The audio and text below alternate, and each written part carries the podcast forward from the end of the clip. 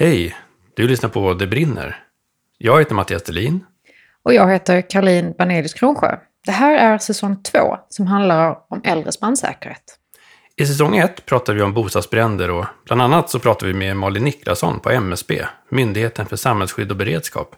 Och vi pratar om statistiken för bränder och de som dör i bränder generellt. Och självklart så pratar vi med Malin även den här säsongen för att få veta mer om bland annat dödsbrandstatistiken för äldre och hur MSB arbetar med att öka brandsäkerheten för just den åldersgruppen.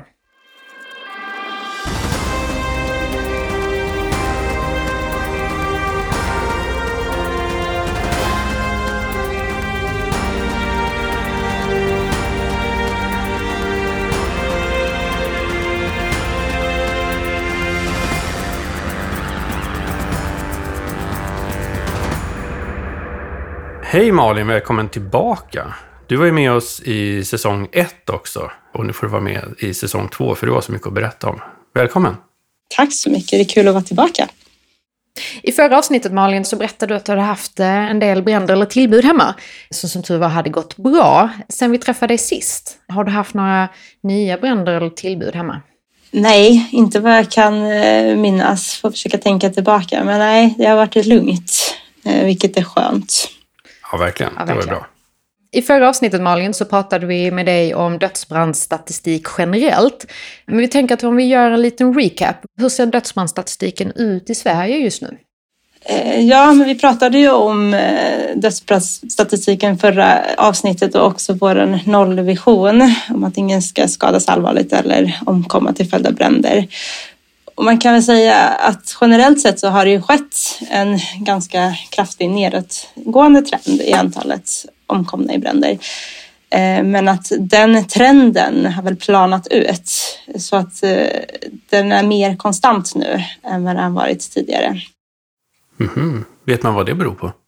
Det som man kan se är ju att vi har en stor grupp sårbara personer eller personer som har ett antal faktorer som gör att det är svårt att eh, kanske utrymma, att uppfatta bränder. Och de är ju väldigt överrepresenterade i eh, bränderna. Och eh, det är ju där som vi ser att vi kanske från samhällets håll behöver göra större och tydligare insatser för att nå de sista personerna. Det är helt enkelt svårare kanske att förebygga de dödsbränderna. Eh, Vi har ju gjort stora insatser för att öka antalet brandvarnare i Sverige till exempel, vilket vi tror är väldigt effektivt. Men, men det brandskyddet kanske inte är tillräckligt för alla. Mm. Och då egentligen bör- börjar vi prata eh, just om äldre någonstans. Som ofta har fått en, en försämrad förmåga. Ja men precis, det finns ju ett antal riskfaktorer eh, som jag tror vi pratade om väldigt mycket i första poddavsnittet. Personer med sämre förmåga eller nedsatt förmåga är överrepresenterade i bränder och just äldre har ju en tendens att ja, men kanske förlora hörsel, ha svårare att röra på sig och får andra typer av hinder som gör att det är svårare att utrymma helt enkelt eller uppfatta branden. Mm. Ja, för du berättade ju också i förra avsnittet om MSB har jobbat väldigt målmedvetet över lång tid och, och med nollvision och strategi för det och eh, verkligen för att nå alla grupper i samhället. Om vi bara zoomar ut lite grann och återvänder till det också. Vad är den stora visionen för er? den stora visionen som vi jobbar efter är ju just den här nollvisionen kring att ingen ska skadas allvarligt eller omkomma till följd av brand. Där har ju vi ett antal åtgärder som vi ser är viktiga att, att jobba med och där en av de stora åtgärderna är just att eh, stärka brandskyddet för särskilt riskutsatta. Och det är ju just för att komma åt ja, till exempel äldre riskutsatta och andra riskutsatta också. Mm. Om vi tittar lite på dödsbrandstatistiken och vi nu pratar äldre så är det generellt sett 65 plus när vi pratar äldre, som jag förstår det. Hur stor del av den totala dödsbrandstatistiken utgör just de äldre? Ja, men vi har delat in eh, i statistiken äldre i 65 plus, eller egentligen 65 till 79 och sen 80 plus. Och om man tittar på 65 plus så är det drygt 50 procent av de som omkommer i bränder som, som är just 65 plus. Och då är det 33 procent som är mellan 65 till 79 och 22 procent som är 80 plus. Det här var statistik från förra året, men jag försökte titta och jämföra den längre bak i tiden och det stämmer ganska väl överens med hur det har sett ut de senaste åren. Så av 97 personer som omkom förra året så var det 55 procent som var över 65. Mm. Ja, det är mycket. För de utgör ju inte halva befolkningen. Nej, 65 procent de utgör ungefär 20 procent av befolkningen. Så det är 15 procent av befolkningen som är mellan 65 och 79 och 5 procent som är 80 plus. Så, så relativt till hur många de är så kan man säga att det är dubbelt så stor risk att omkomma om du är 65 plus eller 65 till 79 och fyra gånger så stor om du är över 80 år. Då. Oj, ja det är mycket. Ja, verkligen. Är det i bostaden som eh, vi ser de flesta dödsbränderna? Ja, absolut. Det är helt klart övervägande i bostaden. Så det är inte på sjukhus eller särskilda boenden utan det är just de som fortfarande bor kvar hemma? Ja, alltså de flesta eh, omkommer i sina egna bostäder. Just för åldersgruppen 65 till 79 så kunde man säga att 80 procent var i flerbostadshus och villa. Och de andra 20 då är fördelade över lite olika ställen. Då. Men det kan vara dels utomhus i fordon eller andra typer av byggnader. Det kan vara någon enstaka på sjukhus. Så I grupperna 80 plus så ser man att 7 procent av de som omkommer är i andra typer av boende, typ trygghetsboenden eller särskilda boenden. Så. Men att fortfarande där är det ju många, de flesta i villa eller flerbostadshus, alltså i sin egna bostad. Mm. Har MSB kunskap om vad orsakerna är till dödsbränderna i de här grupperna? Ja, vi har ganska stor kunskap, men det finns ju också en stort antal okända. Men det man kan se är att rökning är den eh, klart mest kända orsaken just för de som omkommer i bränder. Eh, sen så är det ju andra riskfaktorer som spelar in här. Eh, Johanna pratade om det i första avsnittet också, att det är ju, det är ju rökning i kombination med någonting annat ofta, kanske att man har svårigheter att utrymma eller andra typer av svårigheter eller försvårande omständigheter när det börjar brinna. Men just rökning är ju en, en stor kategori av de bränder som sker. Det här kanske inte är en fråga som du kan svara på, men är det en större andel av de äldre som röker än vad de unga gör idag? Minskar rökningen i samhället? Vet vi det? Det kan jag faktiskt inte svara på. Min spontana personliga känsla är ju att det minskar, men jag har inget, eh, inget statistiskt belägg för det påståendet. Men det skulle ju förhoppningsvis kunna vara en sån faktor som gör att bränderna på sikt minskar om antalet rökare blir färre. Vi får, eh, vi får leta reda på den frågan Mattias helt enkelt. Eller svaret på den frågan Mattias. Ja, det får vi ta reda på. Mm. Den är ju lite intressant. Ja. Om vi kopplar tillbaka till nollvisionen, att minska antalet döda och svårt skadade i bränder eh, och just till de som är äldre då eh, och de som har en, större risk att omkomma. Vad gör MSB och vilka samarbeten har ni med andra myndigheter och organisationer? Ja, vi har ju arbetat väldigt nära tillsammans med Socialstyrelsen den senaste tiden just för att ta fram material och, och vägleda kring de här frågorna. Och då är det ju dels att vägleda kommunerna i hur de kan arbeta med att identifiera särskilt riskutsatta men också vilka åtgärder man kan vidta. Men vi har också tagit fram material och, och riktat till enskilda. Eh, det kan vara anhöriga till de som är riskutsatta. Ja, för jag har sett att MSB eh, har gjort hela eh, foldrar om just säkerhet i hemmet när man blir äldre, där brand är en av många saker som man kan behöva hantera bättre. Och eh, som Johanna sa också så kan ju många äldre kanske hellre ta rådet av en myndighet eller sådär, hellre än av sina barn. Men om man då kommer med en sån folder i handen så kan det vara lite lättare att prata om de här sakerna. Ja men precis och, och vi, vi har ju material på vår hemsida och vi har ju tagit fram eh, checklister och olika typer av material till anhöriga till exempel som eh, man kan använda tillsammans med kanske en riskutsatt. Socialstyrelsen har också en hel del eh, material på sin hemsida, mer kopplat till kommunerna. Eh, men där skulle jag väl säga, vi kampanjar ju ofta brett, så många kampanjer kring att man ska ha en brandvarnare och brandvarnare är ju väldigt viktigt. Men vet man med sig att man har en anhörig som kanske har någon form av riskfaktor, till exempel att man inte hör brandvarnaren, ja då, då är det väl troligtvis någonting mer som behövs. Så då får man söka mer information. Och där skulle jag rekommendera att man söker mer information om vilket eh, stöd man kan få. Då kan man gå in på vår hemsida till exempel och läsa. Man kan ju också kontakta biståndshandläggare i kommunen om vilken typ av stöd man skulle kunna få. Så, så, vi har jobbat väldigt tajt med Socialstyrelsen. Men sen har vi såklart också jobbat med Boverket som gästade i förra avsnittet om hur man kan tänka när man utformar byggreglerna vid nybyggnation. Eh, vi har jobbat tillsammans med SKR, mycket kopplat till hur vi kan nå ut med information till kommunerna. Jag skulle gärna vilja plocka upp, eh, för du nämnde att ni har informationsmaterial till anhöriga. Vad är det ni rekommenderar till anhöriga att göra? Ja, men det är lite olika just för att eh, har du någon form av eh, riskfaktor, ja då är det ju inte givet vad man ska göra utan det är ju beroende på vad det är för riskfaktor. Men bland annat så skriver vi om rökning till exempel. Om man har ett riskbeteende där då kanske det är att välja kläder som inte antänder lika lätt eller som inte brinner. Eller ett rökförkläde om man röker i, i till exempel en rullstol.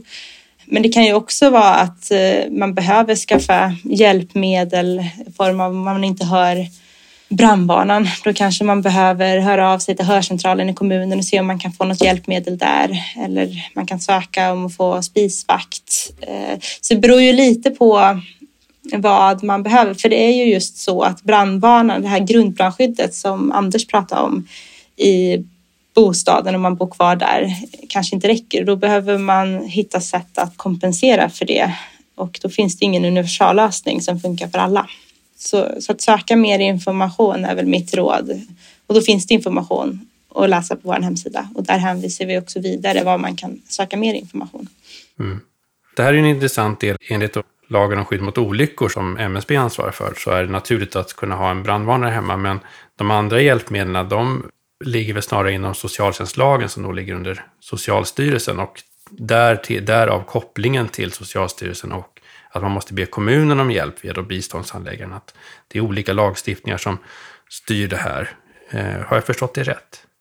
Ja, men precis. Det är ju olika lagstiftningar som reglerar olika områden och där eh, kan ju vi se från myndighetsnivå att det är viktigt att de olika förvaltningarna samarbetar och att man hjälps åt för att hitta de bästa lösningarna för individen. Men eh, precis, eh, i och med att många bor kvar hemma och eh, skillnaden till att till exempel bo på ett anpassat vårdboende, där om det byggs idag så är det ju väldigt högt brandskydd om man jämför med sin enskilda bostad. Och då så får kommunen ett större ansvar att anpassa för de här individerna som behöver ett stärkt brandskydd. Ja, just det. Men sen vill jag också påminna om att den enskilde kan ju, alltså som anhörig kan man ju också göra mycket. Eh, så att det finns ju en hel del man kan tänka på själv också. Mm. Ja, men de här enkla åtgärderna som att eh, testa brandvarnaren som finns och, eller man kanske behöver komplettera med någon brandvarnare. Och om man eh, har en brandsläckare hemma så är man muskelsvag så kanske den behöver vara lite mindre och, och så där. Så det finns ju lite tips och tricks som man kan ta åt sig själv också för att anpassa brandskyddet. Mm. Vi städade bort alla stearinljus hos min mamma och ersatte med elektriska ljus istället när hon blev dement för att, som en åtgärd för att hon inte skulle glömma någonting sånt. Ja, det är ju, det är ju klockrent. Jättebra att hålla lite städat kring spisen så att inte den råkar antända någonting och sådär. Det finns ju en del man kan göra. Sen är det ju ibland svårt att nå hela vägen. Ja. Och det här med spisen och spisvakt, det är ju en av de åtgärder som man har fastställt väldigt tydligt i socialtjänstlagen att man kan få stöd med om man bor hemma och lagar mat själv. Mm, precis kan man ju söka bostadsanpassningsbidrag för. Och det är ju en bra åtgärd just att den, den stänger av om någonting händer. Ja, och Johanna var ju inne på det här också.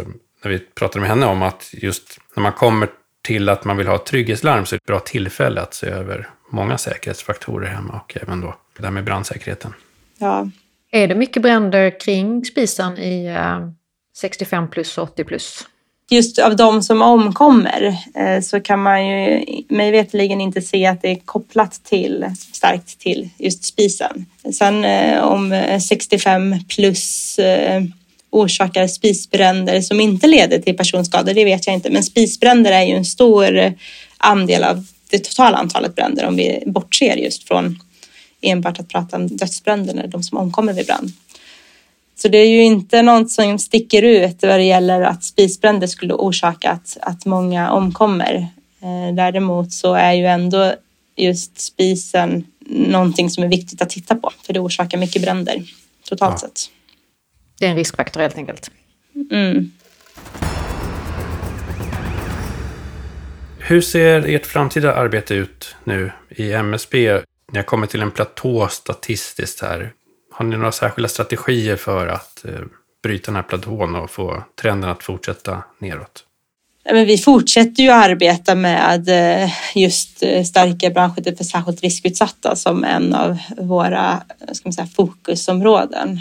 Och det vi har i strategin som vi gärna ser, det är ju dels att det blir ännu tydligare just eh, hur de här olika lagarna jackar i varandra att eh, ansvarsfördelningen är, den är tydliggjord. Så. Sen så jobbar vi ju med olika frågor. Det är dels kommunikationsinsatser men också specifika frågor kopplat till ja, men brandvarnare. Kan vi utveckla dem på sikt för att eh, de kanske ska bli mer hörbara eller att man kopplar trygghetslarm med brandvarnare så att man kan få en tidig upptäckt till en aktör som faktiskt kan göra någonting. Men eh, det är ju sådana spår som vi jobbar i för att nå den här målgruppen. Men det jag generellt kan säga är att just stärkt branschskydd för riskutsatta är ju ett av våra stora fokusområden som vi jobbar med framåt. Mm, det är jättebra.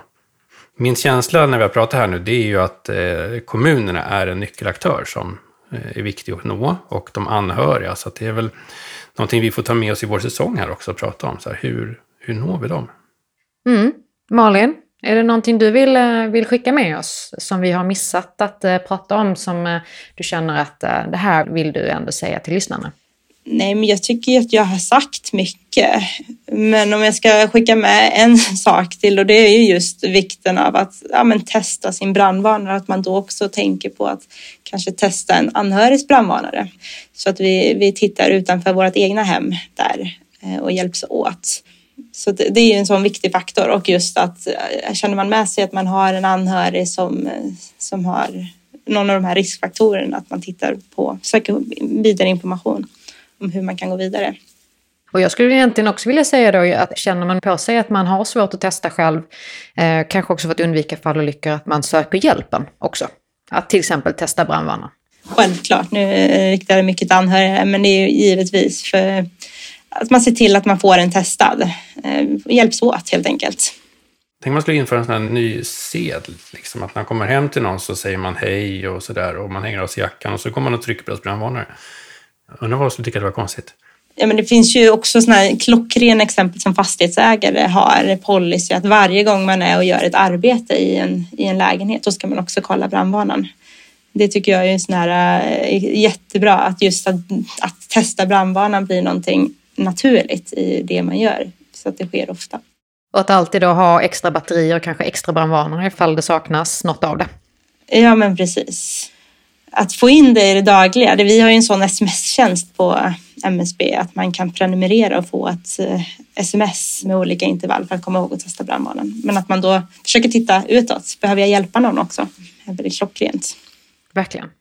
Så vi kan rekommendera att prenumerera på MSBs sms-tjänst här för påminnelse av Testa brandvarnaren. Och det gäller egentligen alla, inte bara för äldre utan verkligen för alla. Mm. Ja, Mattias, har du några fler frågor?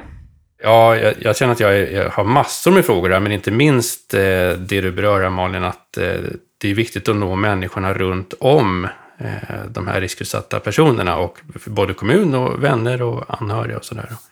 Har du något mer tips vi kan ta med oss där? Nej, men du var ju inne på det Mattias, att eh, anhöriga spelar ju ofta en stor roll. Att vi, att vi värnar om varandra och att vi ser oss omkring hur vi kan hjälpa varandra att få ökade förutsättningar för att klara av att hantera en brand och såklart också minska risken för brand. För vi ser ju att fler och fler bor kvar hemma och då kommer vi nog också i framtiden behöva bli mer vana vid att anpassa brandskyddet just för de som behöver ett anpassat brandskydd. Så utöver det här självklara att alla ska ha en fungerande brandvarnare, det ska liksom vara miniminivån för hela befolkningen oavsett vem, så behöver vi börja försöka identifiera de här personerna som kanske det här inte räcker för och se hur vi kan stötta dem.